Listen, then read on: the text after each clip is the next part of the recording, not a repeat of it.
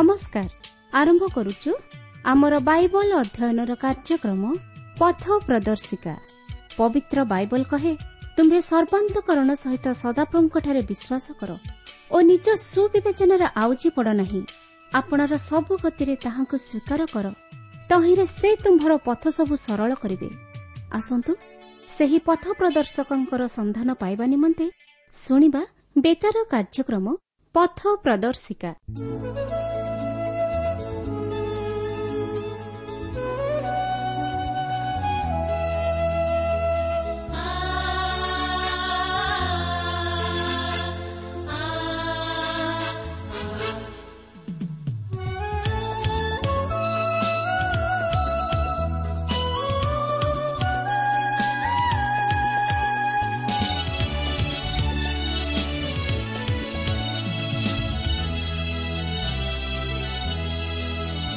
କିଏ ସୁନ୍ଦର ଠିଆ ସ୍ଥାନେ କିଏ ସେହି ମହାଜନତା ସେନାପତି ଯୀଶୁ ସୋନ ସିଂହାସନେ କିଏ ସୁନ୍ଦର ଠିଆ ସ୍ଥାନେ କିଏ ସୁନ୍ଦର ଠିଆ ସ୍ଥାନେ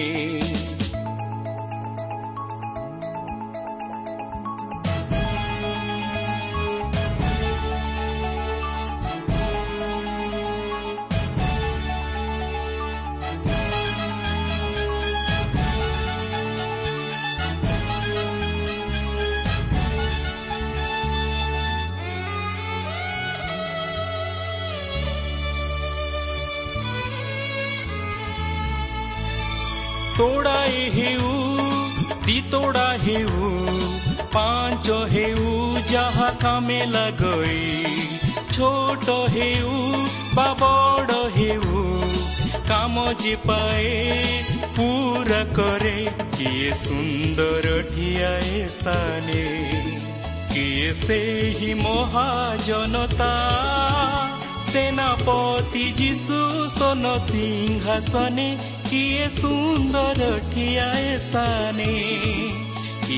न्दरी आयस्थाने कि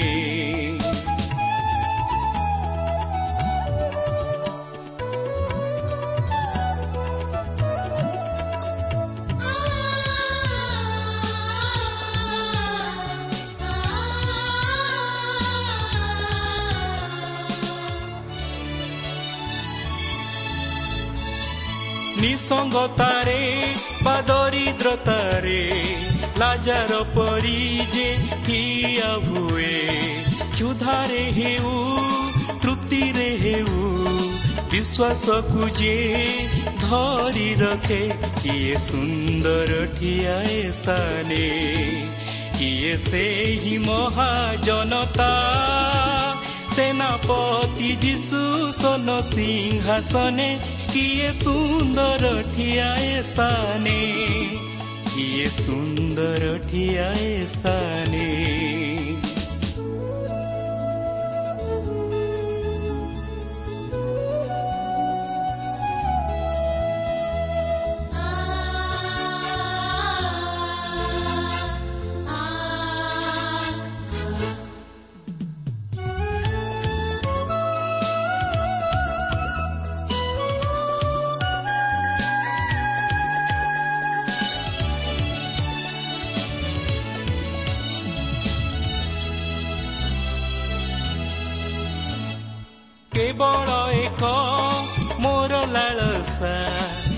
ସେହି ସୁନ୍ଦର ସ୍ଥାନେ ଠିଆ ହେବା ମୁଁ ବି ଦିନେ ଠିଆ ହୋଇବି ପ୍ରିୟ ଯୀଶୁ ମୋତେ ନିଅ କିଏ ସୁନ୍ଦର ଠିଆଏ ସ୍ଥାନେ କିଏ ସେହି ମହାଜନତା ସେନାପତି ଯୀଶୁ ସୋନ ସିଂହାସନେ କିଏ ସୁନ୍ଦର ଠିଆଏ ସ୍ଥାନେ କିଏ ସୁନ୍ଦର ଠିଆଏ ସ୍ଥାନେ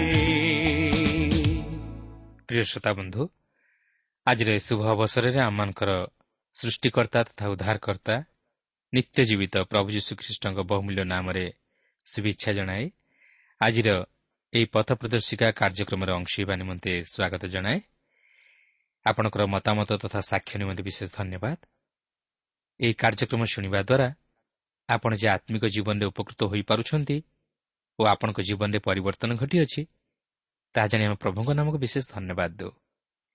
ତେବେ ଆପଣଙ୍କର ପ୍ରାର୍ଥନାର ଅନୁରୋଧ ରକ୍ଷା କରି ଆମେ ଆପଣଙ୍କ ନିମନ୍ତେ ଓ ଆପଣଙ୍କର ପରିବାର ନିମନ୍ତେ ପ୍ରାର୍ଥନା କରୁଅଛୁ। ଆଉ ସେହି ପ୍ରଭୁ ଯୀଶୁ ନିଶ୍ଚିତ ଭାବରେ ଆପଣଙ୍କର ପରିବାରରେ ତାଙ୍କର ସେହି ସ୍ୱର୍ଗୀୟ ଶାନ୍ତି ଆନନ୍ଦ ପ୍ରଦାନ କରିବେ। ଆଉ ସେ ଆପଣଙ୍କ ପରିବାରକୁ ମଧ୍ୟ ସୁରକ୍ଷା କରିବେ। ଆସନ୍ତୁ ପ୍ରଭୁଙ୍କର ବାକ୍ୟ ମଧ୍ୟକୁ ଯିବା ପୂର୍ବରୁ ସଂକ୍ଷେପରେ ପ୍ରାର୍ଥନା କରିବା।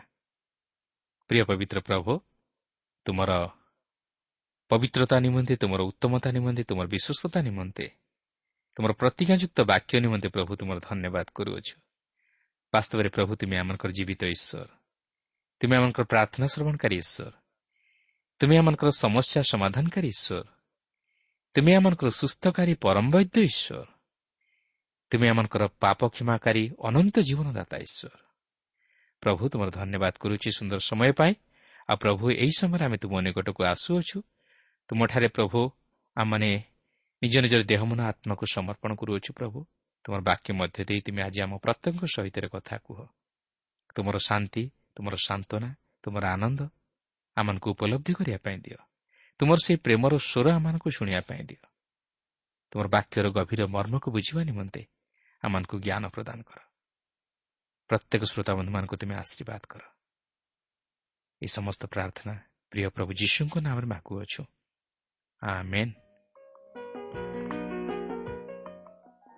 ଆସନ୍ତୁ ବର୍ତ୍ତମାନ ଆମେ ପ୍ରଭୁଙ୍କର ବାକ୍ୟ ମଧ୍ୟକୁ ଯିବା ଆଜି ଆମେ ଋତ ପୁସ୍ତକର ଦୁଇ ପର୍ବର ଚାରିପଦରୁ ଆରମ୍ଭ କରି ତେର ପଦ ପର୍ଯ୍ୟନ୍ତ ଅଧ୍ୟୟନ କରିବା ନିମନ୍ତେ ଯିବା ଆପଣଙ୍କର ମନେଥିବ ଯେ ଗତ ଆଲୋଚନାରେ ଆମେ ଦେଖିଥିଲୁ ଯେ ନୟମୀଙ୍କ ସହିତ ଋତ ସେହି ବୈଥଲିୟମକୁ ଯାଇ ସେଠାରେ ବାସ କଲା ଓ ସେ ନିଜର ଦାରିଦ୍ରତା ହେତୁ କ୍ଷେତ୍ରରେ ସିସା ସାଉଁଟିବାକୁ ଗଲା ଓ ସେ ଯାଇ ଠିକ୍ ବୟଜର କ୍ଷେତ୍ରରେ ପହଞ୍ଚିଲା।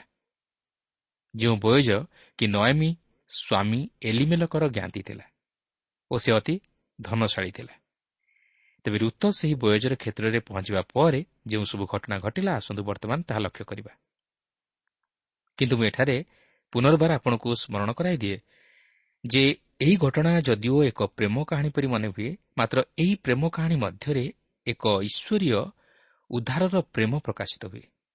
ବୟଜ ହେଉଛନ୍ତି ସେହି ମୁକ୍ତିକର୍ତ୍ତା ଜ୍ଞାତି ଯିଏକି ଖ୍ରୀଷ୍ଟଙ୍କର ନିଦର୍ଶନ ସ୍ୱରୂପ ଓ ଖ୍ରୀଷ୍ଟଙ୍କର ସେହି ଉଦ୍ଧାରର ପ୍ରେମକୁ ଉପସ୍ଥାପିତ କରନ୍ତି।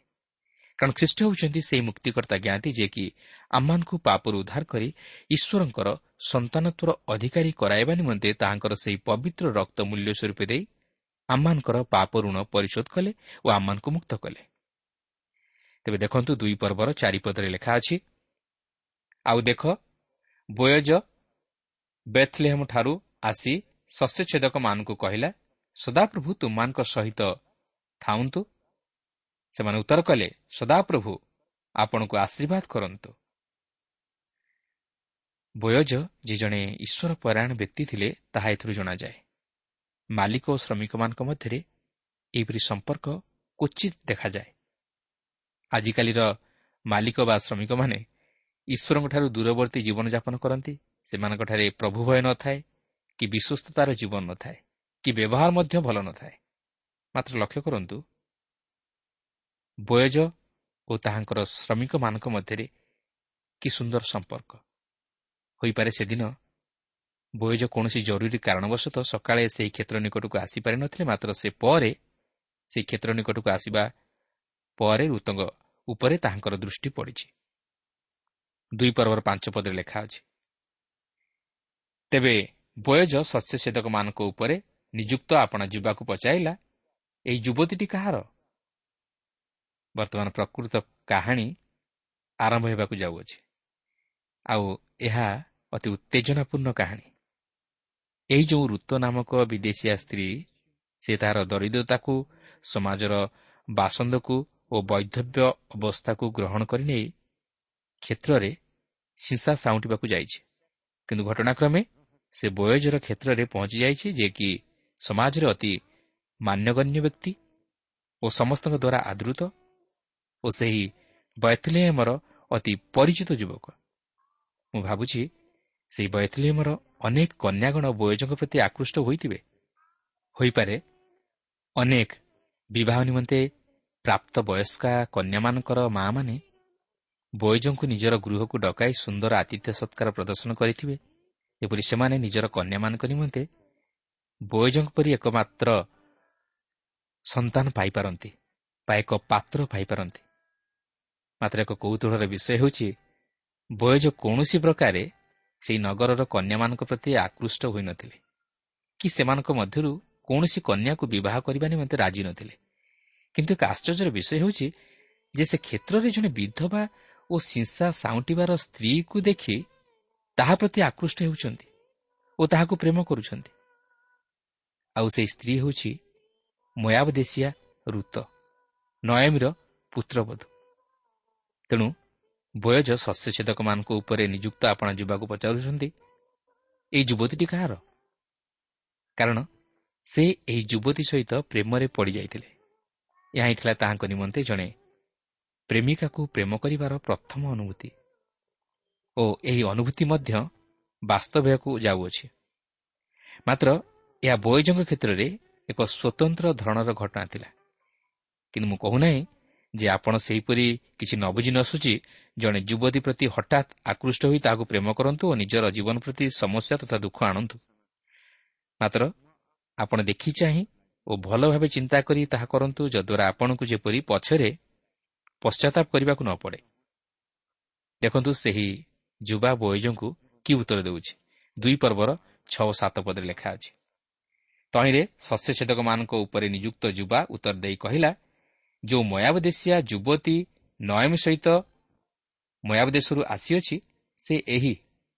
ଆଉ ସେ ମୋତେ କହିଲା ମୁଁ ବିନତି କରୁଅଛି। ଶସ୍ୟଛେଦକମାନଙ୍କର ପଶ୍ଚାତ୍ ପଶ୍ଚାତ୍ ବିଡ଼ାର ମଧ୍ୟେ ମଧ୍ୟେ ରାଁ କରିବାକୁ ମୋତେ ଦିଅ।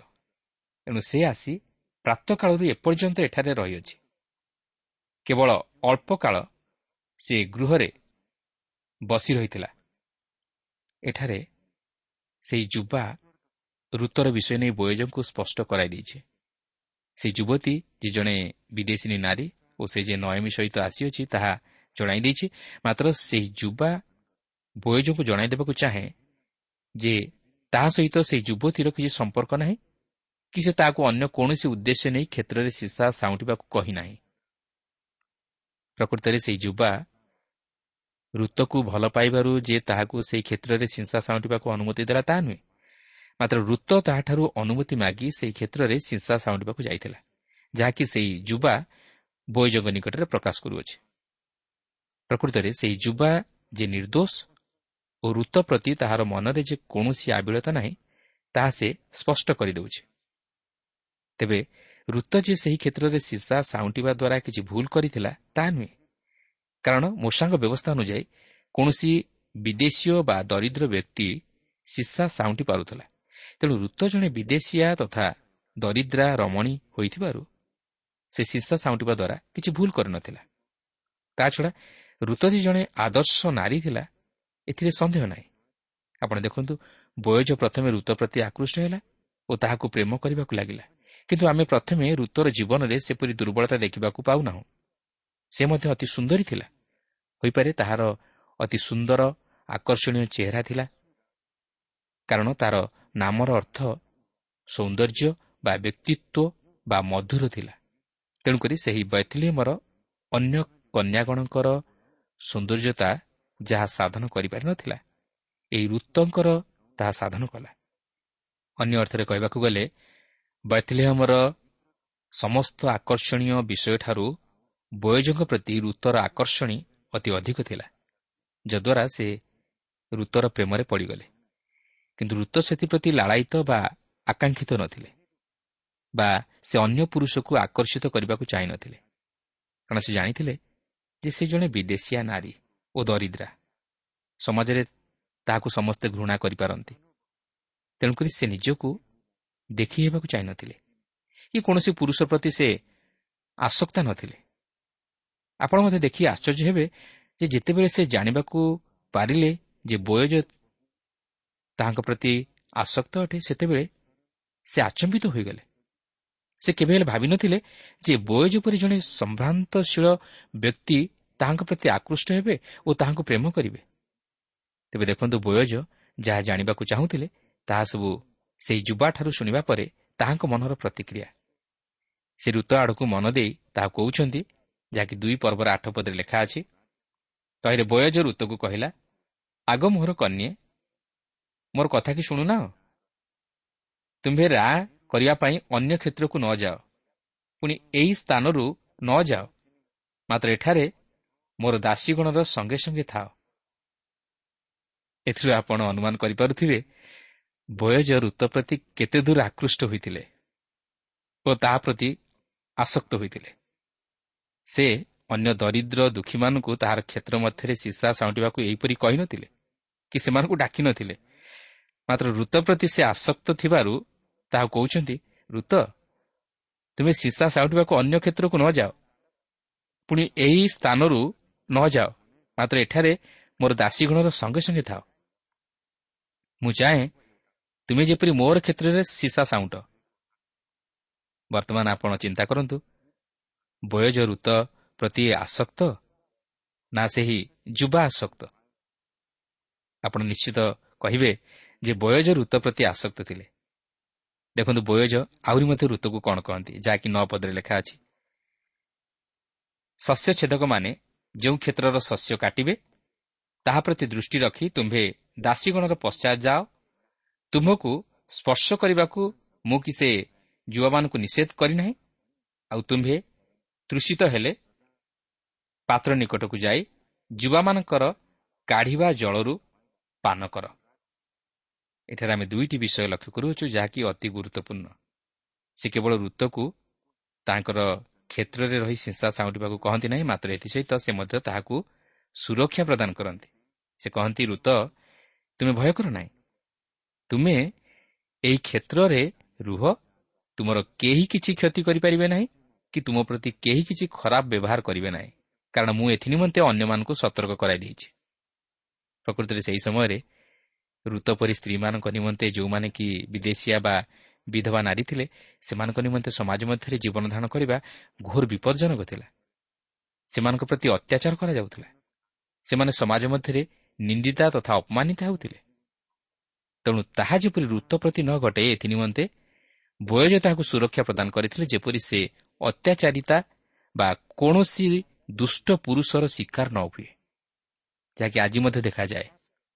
ବର୍ତ୍ତମାନ ମଧ୍ୟ ଏହିପରି ଭାବେ ନାରୀମାନେ ନିର୍ଯାତିତା ହୁଅନ୍ତି। ସେମାନେ ସମାଜ ମଧ୍ୟରେ ଅତ୍ୟାଚାରିତ ହୁଅନ୍ତି। ନାରୀମାନଙ୍କୁ ବାସ୍ତବରେ ସୁରକ୍ଷା ଦିଆଯାଇପାରୁନାହିଁ। କି ଅପରାଧୀମାନଙ୍କୁ ଉପଯୁକ୍ତ ଦଣ୍ଡ ଦିଆଯାଉ ନାହିଁ ତେଣୁକରି ଅପରାଧର ମାତ୍ରା ବେଳକୁ ବେଳ ବୃଦ୍ଧି ପାଇବାରେ ଲାଗିଛି ଓ ନାରୀମାନଙ୍କର ସମସ୍ୟା ବୃଦ୍ଧି ପାଇବାରେ ଲାଗିଛି। କିନ୍ତୁ ଏହାର ନିରାକରଣ ସେ ପର୍ଯ୍ୟନ୍ତ ସମ୍ଭବ ନୁହେଁ। ଯେପର୍ଯ୍ୟନ୍ତ ମଣିଷ ନିଜେ ନିଜକୁ ସଂଶୋଧିତ ନ କରିଛି ବା ସେଥି ନିମନ୍ତେ ସତର୍କ ନ ହୋଇଛି। କିନ୍ତୁ ମନୁଷ୍ୟ କେବେ ହେଲେ ନିଜର ଶକ୍ତି ବଳରେ ବା ନିଜର ଚେଷ୍ଟାରେ ପାପରୁ ପୃଥକୀକୃତ ଜୀବନଯାପନ କରିବା ନିମନ୍ତେ ସମର୍ଥ ହୋଇପାରିବ ନାହିଁ। କାରଣ ଯେପର୍ଯ୍ୟନ୍ତ ମନୁଷ୍ୟର ସେହି ପୁରାତନ ସ୍ୱଭାବର ପରିବର୍ତ୍ତନ ନ ଘଟି ନାହିଁ ସେ ପର୍ଯ୍ୟନ୍ତ ମନୁଷ୍ୟ କେବେ ହେଲେ ପବିତ୍ର ଜୀବନଯାପନ କରିବା ନିମନ୍ତେ ସମର୍ଥ ହୋଇପାରିବ ନାହିଁ। କିନ୍ତୁ ଏହା କେବଳ ପ୍ରଭୁ ଯୀଶୁଖ୍ରୀଷ୍ଟଙ୍କଠାରେ ବିଶ୍ୱାସ କରି ତାହାଙ୍କୁ ନିଜ ହୃଦୟରେ ଉଦ୍ଧାରକର୍ତ୍ତା ରୂପେ ଗ୍ରହଣ କରିବା ଦ୍ୱାରା ସମ୍ଭବ ହେବ। ବର୍ତ୍ତମାନ ଆପଣ ଲକ୍ଷ୍ୟ କରନ୍ତୁ ବୈଜଙ୍କର ଏହିପରି କଥାରେ ଋତଙ୍କ ମନର ପ୍ରତିକ୍ରିୟା। ଦୁଇ ପର୍ବର ଦଶ ପଦରେ ଲେଖା ଅଛି। ଏଥିରେ ସେ ମୁହଁମାଡ଼ି ଭୂମିରେ ପଡ଼ି ତାହାକୁ କହିଲା ମୁଁ ବିଦେଶିନୀ ହେଲେ ହେଁ ଆପଣ ମୋହର ପରିଚୟ ନେଇଅଛନ୍ତି ଆପଣଙ୍କ ଦୃଷ୍ଟିରେ ଏତେ ଅନୁଗ୍ରହ ମୁଁ କିପରି ପାଇଲି? ଋତ କେବେ ହେଲେ ଭାବିନଥିଲା ଯେ ତାହାକୁ କେହି ପସନ୍ଦ କରି ଭଲ ପାଇବ ବା ବିବାହ କରିବ। କାରଣ ସେ ବିଦେଶୀ ନାରୀ ଓ ସେ ମଧ୍ୟ ଦରିଦ୍ରା। ତାଛଡ଼ା ସେ ନୟମୀ ସହିତ ଏହି ବୈଥିଲେୟମ ନଗରକୁ ଆସିବା ପୂର୍ବରୁ ନୟମୀ ମଧ୍ୟ ତାହାକୁ ତାହାର ଭବିଷ୍ୟତର ବିଷୟ ନେଇ ସୂଚାଇ ଦେଇଥିଲା ଓ ସତର୍କ କରାଇ ଦେଇଥିଲା। ତାହାକୁ ଯେ ଅନେକ ଦୁଃଖ ନିର୍ଯାତନା ଅପମାନ ଓ ନିନ୍ଦା ସହ୍ୟ କରିବାକୁ ପଡ଼ିବ ତାହା ତାହାର ଶାଶୁ ନୟମୀ ତାହାକୁ ଆଗରୁ ସୂଚାଇ ଦେଇଥିଲା। ତେଣୁକରି ତାହାର ଯା ଅର୍ପା ତାହାର ନିଜ ଲୋକମାନଙ୍କ ନିକଟକୁ ଫେରିଯାଇଥିଲା କିନ୍ତୁ ଋତ ଈଶ୍ୱରଙ୍କ ନିମନ୍ତେ ସମସ୍ତ ସହ୍ୟ କରିବାର ନିଷ୍ପତ୍ତି ନେଇ ନୟମ ସହିତ ବୈଥିଲେମକୁ ଚାଲି ଆସିଥିଲା। ଓ ତାହାର ଶାଶୁର ବଶୀଭୂତା ହୋଇ ରହି ତାହାର ସେବା କରିଥିଲା। ତେଣୁ ସେ ଯେତେବେଳେ ବୟୋଜର କ୍ଷେତ୍ରକୁ ଆସିଲା ସିଂସା ସାଉଁଟିବା ପାଇଁ ସେତେବେଳେ ସେ କେବେ ହେଲେ ମନରେ ଭାବିନଥିଲା ତାହାକୁ କେହି ଏହିପରି ଭଲ ପାଇବ ବା ପ୍ରେମ କରିବ। କାରଣ ସେହି ସମୟରେ ମଧ୍ୟ ଜିହୁଦୀମାନଙ୍କର ମୟାବୀୟ ଲୋକମାନଙ୍କ ସହିତ ସମ୍ପର୍କ ନଥିଲା କି ସଦ୍ଭାବ ନଥିଲା ଯାହାକି ଆମେ ପରେ ମଧ୍ୟ ଦେଖିବାକୁ ଯିବା ଯେ ଏହି ମୟାବୀୟମାନଙ୍କୁ ସଦାପ୍ରଭୁଙ୍କର ମଣ୍ଡଳୀ ମଧ୍ୟରୁ ପୃଥକ ରଖିବା ପାଇଁ ମୂଷାଙ୍କ ବ୍ୟବସ୍ଥାରେ ମଧ୍ୟ ଏକ ନିୟମ ପ୍ରଣୟନ କରାଯାଇଥିଲା। କାରଣ ଆରମ୍ଭରୁ ଏହି ମୟାବୀୟମାନଙ୍କର ସହିତ ଇସ୍ରାଏଲୀୟମାନଙ୍କର ସମ୍ପର୍କ ଭଲ ନଥିଲା ତାଛଡ଼ା ସେମାନେ ଇସ୍ରାଏଲ୍ର ବିରୁଦ୍ଧରେ ସଦାସର୍ବଦା ଯୁଦ୍ଧ କରିବା ନିମନ୍ତେ ଓ ସେମାନଙ୍କର ପ୍ରତିରୋଧ କରିବା ନିମନ୍ତେ ଆଗେଇ ଆସୁଥିଲେ ଓ ସେମାନଙ୍କ ସହିତ ଶତ୍ରୁତା ଆଚରଣ କରୁଥିଲେ। ତେଣୁକରି ସେମାନଙ୍କୁ ଇସ୍ରାଏଲ୍ ମଣ୍ଡଳୀ ମଧ୍ୟରେ ସ୍ଥାନ ନ ଦେବା ଲାଗି ବ୍ୟବସ୍ଥାରେ ଥିଲା। କିନ୍ତୁ ଏହି ଋତୁର ବିବରଣ ପୁସ୍ତକରେ ଆମେ ଏକ କୌତୁହଳପୂର୍ଣ୍ଣ ବିଷୟ ଲକ୍ଷ୍ୟ କରୁଛୁ ଯେ ସେହି ଜାତିଭେଦର ବିଲୋପ ଘଟିଲା ଓ ଏପରିକି ଈଶ୍ୱର ପ୍ରତ୍ୟେକଙ୍କ ନିମନ୍ତେ ଚିନ୍ତା କରନ୍ତି ଓ ପ୍ରତ୍ୟେକଙ୍କୁ ପ୍ରେମ କରନ୍ତି ଏପରିକି ଯେଉଁମାନେ ଦୋଷୀ ଓ ବିଚାରିତ ହେବା ନିମନ୍ତେ ଯୋଗ୍ୟ ସେମାନଙ୍କୁ ମଧ୍ୟ ପ୍ରେମ କରି ସେମାନଙ୍କ ପ୍ରତି ତାହାଙ୍କର ଅନୁଗ୍ରହ ପ୍ରକାଶ କରନ୍ତି ଯାହାକି ଆଜି ଆପଣଙ୍କ ପ୍ରତି ଓ ମୋ ପ୍ରତି ସେ ତାହା ପ୍ରକାଶ କରିଅଛନ୍ତି। ସେଥିପାଇଁ ରୋମିଓ ପାଞ୍ଚ ପର୍ବର ଆଠ ପଦରେ ଲେଖା ଅଛି କିନ୍ତୁ ଆମ୍ଭେମାନେ ପାପି ଥିବା ସମୟରେ ସୁଦ୍ଧା ଖ୍ରୀଷ୍ଟ ଯେ ଆମମାନଙ୍କ ନିମନ୍ତେ ମୃତ୍ୟୁଭୋଗ କଲେ ସେଥିରେ ଈଶ୍ୱର ଆମମାନଙ୍କ ପ୍ରତି ଆପଣା ପ୍ରେମ ସପ୍ରମାଣ କରୁଅଛନ୍ତି। ପ୍ରେରିତ ପାଉଲ କହିବାକୁ ଚାହାନ୍ତି ଯେ ଆପଣ ସେହି ପ୍ରକାର ପ୍ରେମ ଆଜି ଏହି ଜଗତରେ କାହାଠାରୁ ପାଇପାରିବେ ନାହିଁ କେବଳ ଈଶ୍ୱର ହିଁ ସେହି ପ୍ରେମ ଦେଖାଇପାରନ୍ତି ଯେହେତୁ ସେ ତାହାଙ୍କର ସୃଷ୍ଟ ଲୋକମାନଙ୍କ ନିମନ୍ତେ ଚିନ୍ତା କରନ୍ତି ଓ ସେ ପାପିକୁ ପ୍ରେମ କରନ୍ତି ଓ ସେହି ପ୍ରେମ ସେ ଖ୍ରୀଷ୍ଟଙ୍କ ମାଧ୍ୟମରେ ଏହି ଜଗତ ନିକଟରେ ପ୍ରକାଶ କରିଅଛନ୍ତି। ସେଥିପାଇଁ ଋତ ବୟଜଙ୍କୁ ପ୍ରଶ୍ନ କରନ୍ତି ଆପଣଙ୍କ ଦୃଷ୍ଟିରେ ଏତେ ଅନୁଗ୍ରହ ମୁଁ କିପରି ପାଇଲି? କାରଣ ସେ ଜାଣିଥିଲା ଯେ ସେ ଜଣେ ବିଦେଶିନୀ ତଥା ବିଜାତିଆ ନାରୀ। ସେ ଜଣେ ମୟାବିଆ କନ୍ୟା ଏବଂ ମୟାବିୟ ଲୋକମାନଙ୍କ ସହ ଇସ୍ରାଏଲ୍ର କୌଣସି ସମ୍ପର୍କ ନାହିଁ। ତଥାପି ମୁଁ ଆପଣଙ୍କ ଦୃଷ୍ଟିରେ ଏତେ ଅନୁଗ୍ରହ କିପରି ପାଇଲି? ବାସ୍ତବରେ ତାହା ହେଉଛି ଈଶ୍ୱରଙ୍କର ଅନୁଗ୍ରହ। ଆଜି ଆପଣ ଓ ମୁଁ ଆମେ ଏହି ପ୍ରଶ୍ନ ଘେନି ଈଶ୍ୱରଙ୍କ ନିକଟକୁ ଆସୁ। ପ୍ରଭୁ ମୁଁ ଆପଣଙ୍କ ଦୃଷ୍ଟିରେ କିପରି ଏତେ ଅନୁଗ୍ରହ ପାଇଲି? ମୁଁ ତ ପାପି। ମୋର ତ କୌଣସି ଧାର୍ମିକତା କି ଉତ୍ତମତା ନାହିଁ। ତଥାପି ତୁମେ ମୋ ପ୍ରତି କାହିଁକି ଏତେ ଅନୁଗ୍ରହ ପ୍ରକାଶ କରିଅଛ? ତେବେ ଆମେ ଏହାର ଉତ୍ତର ନିଜେ ମଧ୍ୟ ପାଇପାରିବା ନାହିଁ ଯେହେତୁ ଆମର କୌଣସି ଧର୍ମକର୍ମ ନାହିଁ। ଆମମାନେ ଈଶ୍ୱରଙ୍କ ବିରୁଦ୍ଧାଚରଣ କାର୍ଯ୍ୟ କରି ପାପରେ ପତିତ ହୋଇଅଛୁ। ମାତ୍ର ଏହା କେବଳ ଈଶ୍ୱରଙ୍କର ଅସୀମ ପ୍ରେମ ଓ ଅନୁଗ୍ରହ ଓ ସେ ସେହି ପ୍ରେମ ଖ୍ରୀଷ୍ଟଙ୍କ ମଧ୍ୟ ଦେଇ ଆମମାନଙ୍କ ନିକଟରେ ପ୍ରକାଶ କଲେ। କାରଣ ଖ୍ରୀଷ୍ଟ ଆମମାନଙ୍କ ପାପ ନିମନ୍ତେ ମୃତ୍ୟୁଭୋଗ କଲେ। ସେ ତାଙ୍କର ସେହି ଅନୁଗ୍ରହ ପ୍ରକାଶ କଲେ। ଆଉ ସେହି ଅନୁଗ୍ରହ ଲାଗି ଆଜି ଆମେ ଉଦ୍ଧାରପ୍ରାପ୍ତ ହୋଇଅଛୁ ଓ ସେହି ଖ୍ରୀଷ୍ଟଙ୍କ ହେତୁ ଆଜି ସେ ଆମମାନଙ୍କୁ ଉଦ୍ଧାର କରନ୍ତି। ଏହା ହିଁ ହେଉଛି ଈଶ୍ୱରଙ୍କ ବାକ୍ୟର ମହାନ ସତ୍ୟତା। ଏହାପରେ ଦୁଇ ପର୍ବର ଏଗାର ପଦରେ ଏହିପରି ଲେଖା ଅଛି ବୟଜ ତାହାକୁ ଉତ୍ତର ଦେଇ କହିଲା ତୁମ୍ଭ ସ୍ୱାମୀର ମୃତ୍ୟୁ ଉତ୍ତାରେ ତୁମ୍ଭେ ଆପଣା ଶାଶୁ ପ୍ରତି ଯେ ରୂପ ବ୍ୟବହାର କରିଅଛ। ପୁଣି ଆପଣା ପିତା ଓ ଆପଣା ମାତା ଓ ଆପଣା ଜନ୍ମଦେଶ ତ୍ୟାଗ କରି ପୂର୍ବେ ଯେଉଁମାନଙ୍କୁ ଜାଣିଲ ନାହିଁ ଏପରି ଲୋକଙ୍କ ନିକଟକୁ ଆସିଅଛ। ଏହିସବୁ କଥା ମୋତେ ସମ୍ପୂର୍ଣ୍ଣ ରୂପେ କୁହାଯାଇଅଛି। ଏଠାରେ ଆମେ ବୟଜ ଋତୁକୁ ଭଲ ପାଇବାର କାରଣ ସମ୍ପର୍କରେ ଜାଣିବାକୁ ପାରୁଛୁ। ସେ ଋତୁର ବାହ୍ୟ ସୌନ୍ଦର୍ଯ୍ୟ ପ୍ରତି ଆସକ୍ତ ହୋଇ ତାହାକୁ ପ୍ରେମ କରିନଥିଲା। ମାତ୍ର ତାହାର ଗୁଣ ଓ ଆଚରଣକୁ ଦେଖି ତାହାକୁ ପ୍ରେମ କରୁଥିଲା। କାରଣ ଋତ ତାହାର ଶାଶୁ ପ୍ରତି ଉପଯୁକ୍ତ କର୍ତ୍ତବ୍ୟ କରିବା ସଙ୍ଗେ ସଙ୍ଗେ ଈଶ୍ୱରଙ୍କ ପ୍ରତି ମଧ୍ୟ ଅନୁରକ୍ତା ଥିଲା। ତାହାର ଏକ ଉତ୍ସର୍ଗୀକୃତ ଜୀବନ ଥିଲା। ବାରପଦରେ ଲେଖା ଅଛି ସଦାପ୍ରଭୁ ତୁମ୍ଭ କର୍ମର ଫଳ ଦେଉନ୍ତୁ। ଇସ୍ରାଏଲ୍ର ଯେଉଁ ସଦାପ୍ରଭୁ ପରମେଶ୍ୱରଙ୍କ ପକ୍ଷ ତଳେ ତୁମ୍ଭେ ଆଶ୍ରୟ ନେବାକୁ ଆସିଅଛ ସେ ତୁମକୁ ସମ୍ପୂର୍ଣ୍ଣ ପୁରସ୍କାର ଦେଉନ୍ତୁ। ଋତ ଇସ୍ରାଏଲ୍ର ସଦାପ୍ରଭୁ ପରମେଶ୍ୱରଙ୍କ ନିକଟରେ ଆଶ୍ରୟ ନେବାକୁ ଆସିଥିଲା। ସେ ତାହାଙ୍କଠାରେ ବିଶ୍ୱାସ କରିଥିଲା ଓ ତାହାଙ୍କ ପ୍ରତି ଆପଣାର ମନ ଦେଇଥିଲା। ତେଣୁକରି ସେ ନିଜର ଲୋକମାନଙ୍କୁ ଭୁଲି ନୟମୀ ସାଥିରେ ବୈଥିଲ୍ୟମ୍କୁ ଆସିଥିଲା ଯେପରି ସେ ଈଶ୍ୱରଙ୍କ ଲୋକମାନଙ୍କ ସହଭାଗିତାରେ ଆସିପାରେ। ତେଣୁକରି ସେ ନୟମକୁ କହେ ତୁମ୍ଭର ଲୋକ ହିଁ ମୋହର ଲୋକ ଓ ତୁମ୍ଭର ପରମେଶ୍ୱର ହିଁ ମୋହର ପରମେଶ୍ୱର ହେବେ। ସେ ସେହି ଦେବପୂଜକମାନଙ୍କ ମଧ୍ୟରୁ ବାହାରି ଆସି ସତ୍ୟ ଓ ଜୀବନ୍ତ ଈଶ୍ୱରଙ୍କ ନିକଟକୁ ଫେରି ଆସିଥିଲା। ସେ ଈଶ୍ୱରଙ୍କୁ ଆଶ୍ରା କରି ନୟମୀ ସହିତ ଚାଲି ଆସିଥିଲା। ସେ ବର୍ତ୍ତମାନ ଈଶ୍ୱରଙ୍କର ସନ୍ତାନମାନଙ୍କ ମଧ୍ୟରୁ ଜଣେ। ତେଣୁକରି ବୟୋଜ ଋତୁକୁ କହନ୍ତି ତୁମ୍ଭର ଏହି ସାକ୍ଷମର ଜୀବନ ନିମନ୍ତେ ଈଶ୍ୱର ତୁମକୁ ସମ୍ପୂର୍ଣ୍ଣ ପୁରସ୍କାର ଦେଉନ୍ତୁ ଓ ତୁମ୍ଭର ସେହି ଦୃଢ଼ ନିଷ୍ପତ୍ତି ନିମନ୍ତେ ଈଶ୍ୱର ତୁମକୁ ତହିଁର ପୁରସ୍କାର ଦେଉନ୍ତୁ।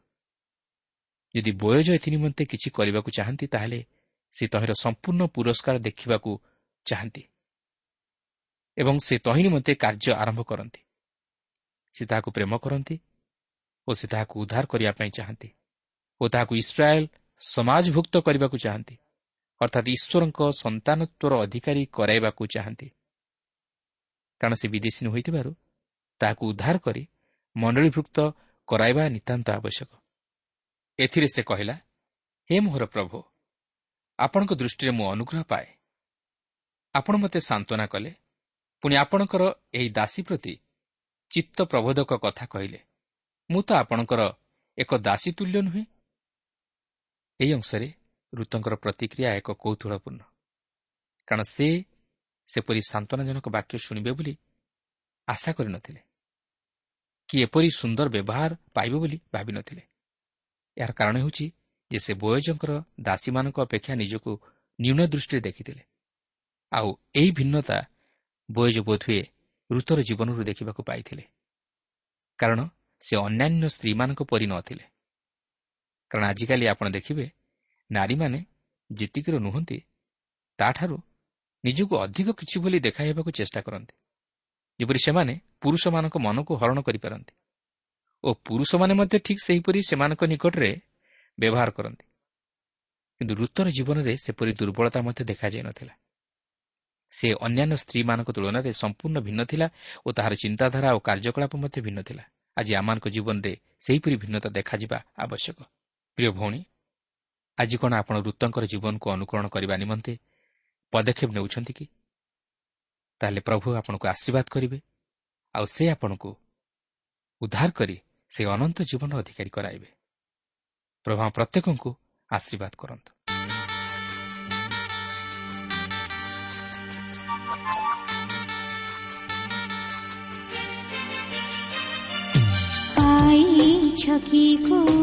ତୁମେ? ଜୀବନରେ ପରିତ୍ରାଣ। କରିଛ କି ଅନୁଭବ? ମନେ ଶାନ୍ତି ଚିରନ୍ତନ ପାଇଛ କି କୁହ ତୁମେ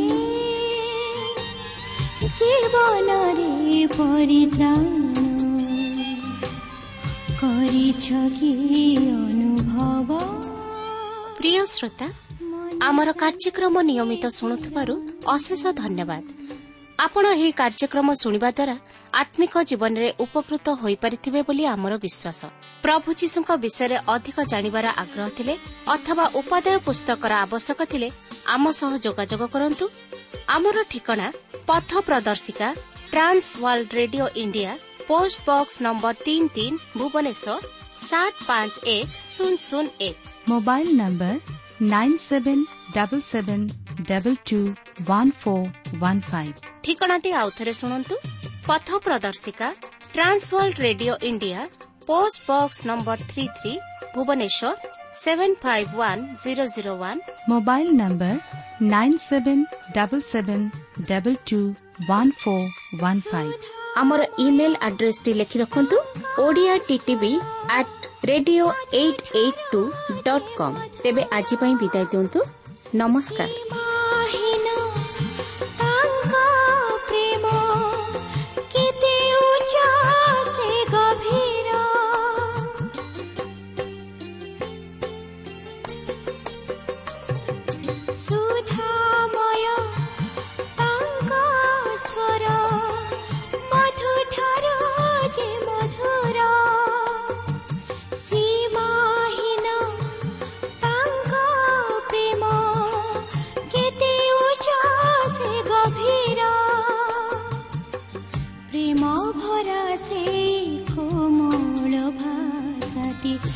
ବୁଝିଛି କି କେବେ ତୁମ ମନ ପାଇଛ କି କୁହ ତୁମେ ଜୀବନରେ ପରିତ୍ରାଣ କରିଛ କି ଅନୁଭବ ମନେ ଶାନ୍ତି ଚିରନ୍ତ